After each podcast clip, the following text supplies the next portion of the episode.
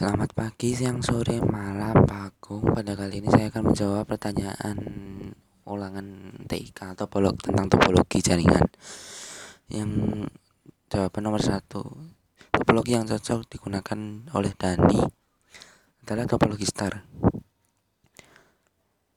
Karena topologi star merupakan bentuk topologi jaringan yang berupa konvergensi dari node tengah ke setiap node atau pengguna jadi ini cocok kayak seperti di rental PC atau warnet-warnet begitu.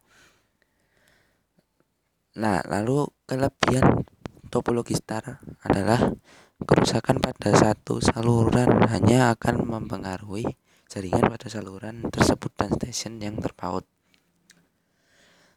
Lalu yang kedua tingkat keamanan termasuk tinggi yang ketiga tahan terhadap lalu lintas jaringan yang sangat sibuk.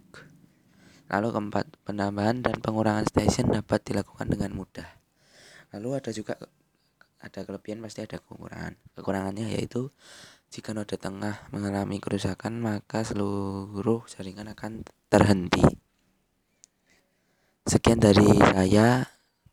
Terima kasih